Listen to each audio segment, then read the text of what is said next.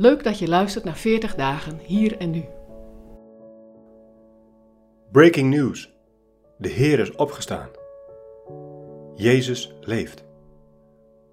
Op deze paasmorgen luister je naar een bijdrage van Dirk-Jan Poel. De dagen voor de verkiezingen kon je de televisie niet aanzetten of er was wel een lijsttrekker van een politieke partij te zien en te horen.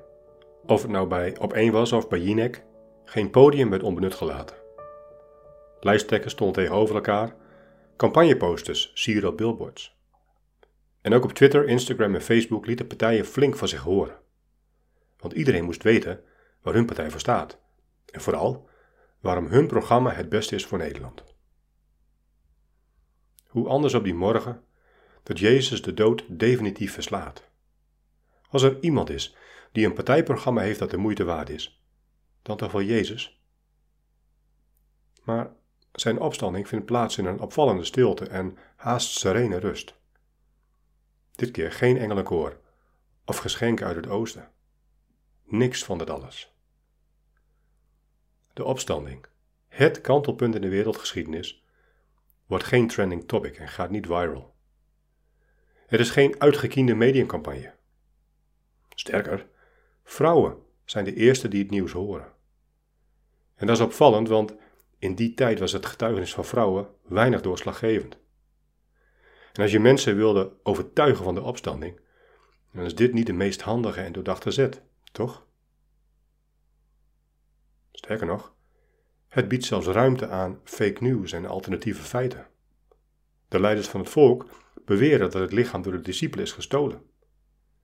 En Matthäus vertelde ons dat dit verhaal als een complottheorie onder de bevolking bleef rondzingen. Natuurlijk had Jezus ervoor kunnen kiezen om op een grootse en meeslepende manier zichzelf als opgestane Heer te presenteren. Ik weet niet waarom hij dat niet doet. Hij kiest een andere weg om zijn opstanding wereldkundig te maken. Hij kiest jou en mij. Er zijn engelen die morgen. En die geven de discipelen een aanwijzing. Jezus gaat jullie voor. Volg hem en je zult hem zien. En dus gaan de leerlingen op pad, achter Jezus aan. En als ze hem zien, bewijzen ze hem eer. Maar let ook op die bemoedigende woorden.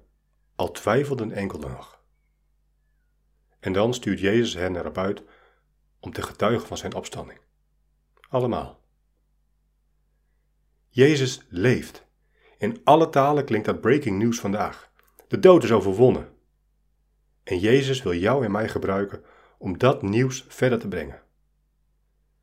We volgen een opgestane Heer. Maar op de weg achter hem aan kan twijfel je zomaar overvallen. Weet dan dat Jezus je niet wegstuurt. Hij stuurt je wel op weg. Want zelfs met je twijfel mag je van Hem getuigen. En weet, Hij is bij je. Elke dag, elke stap.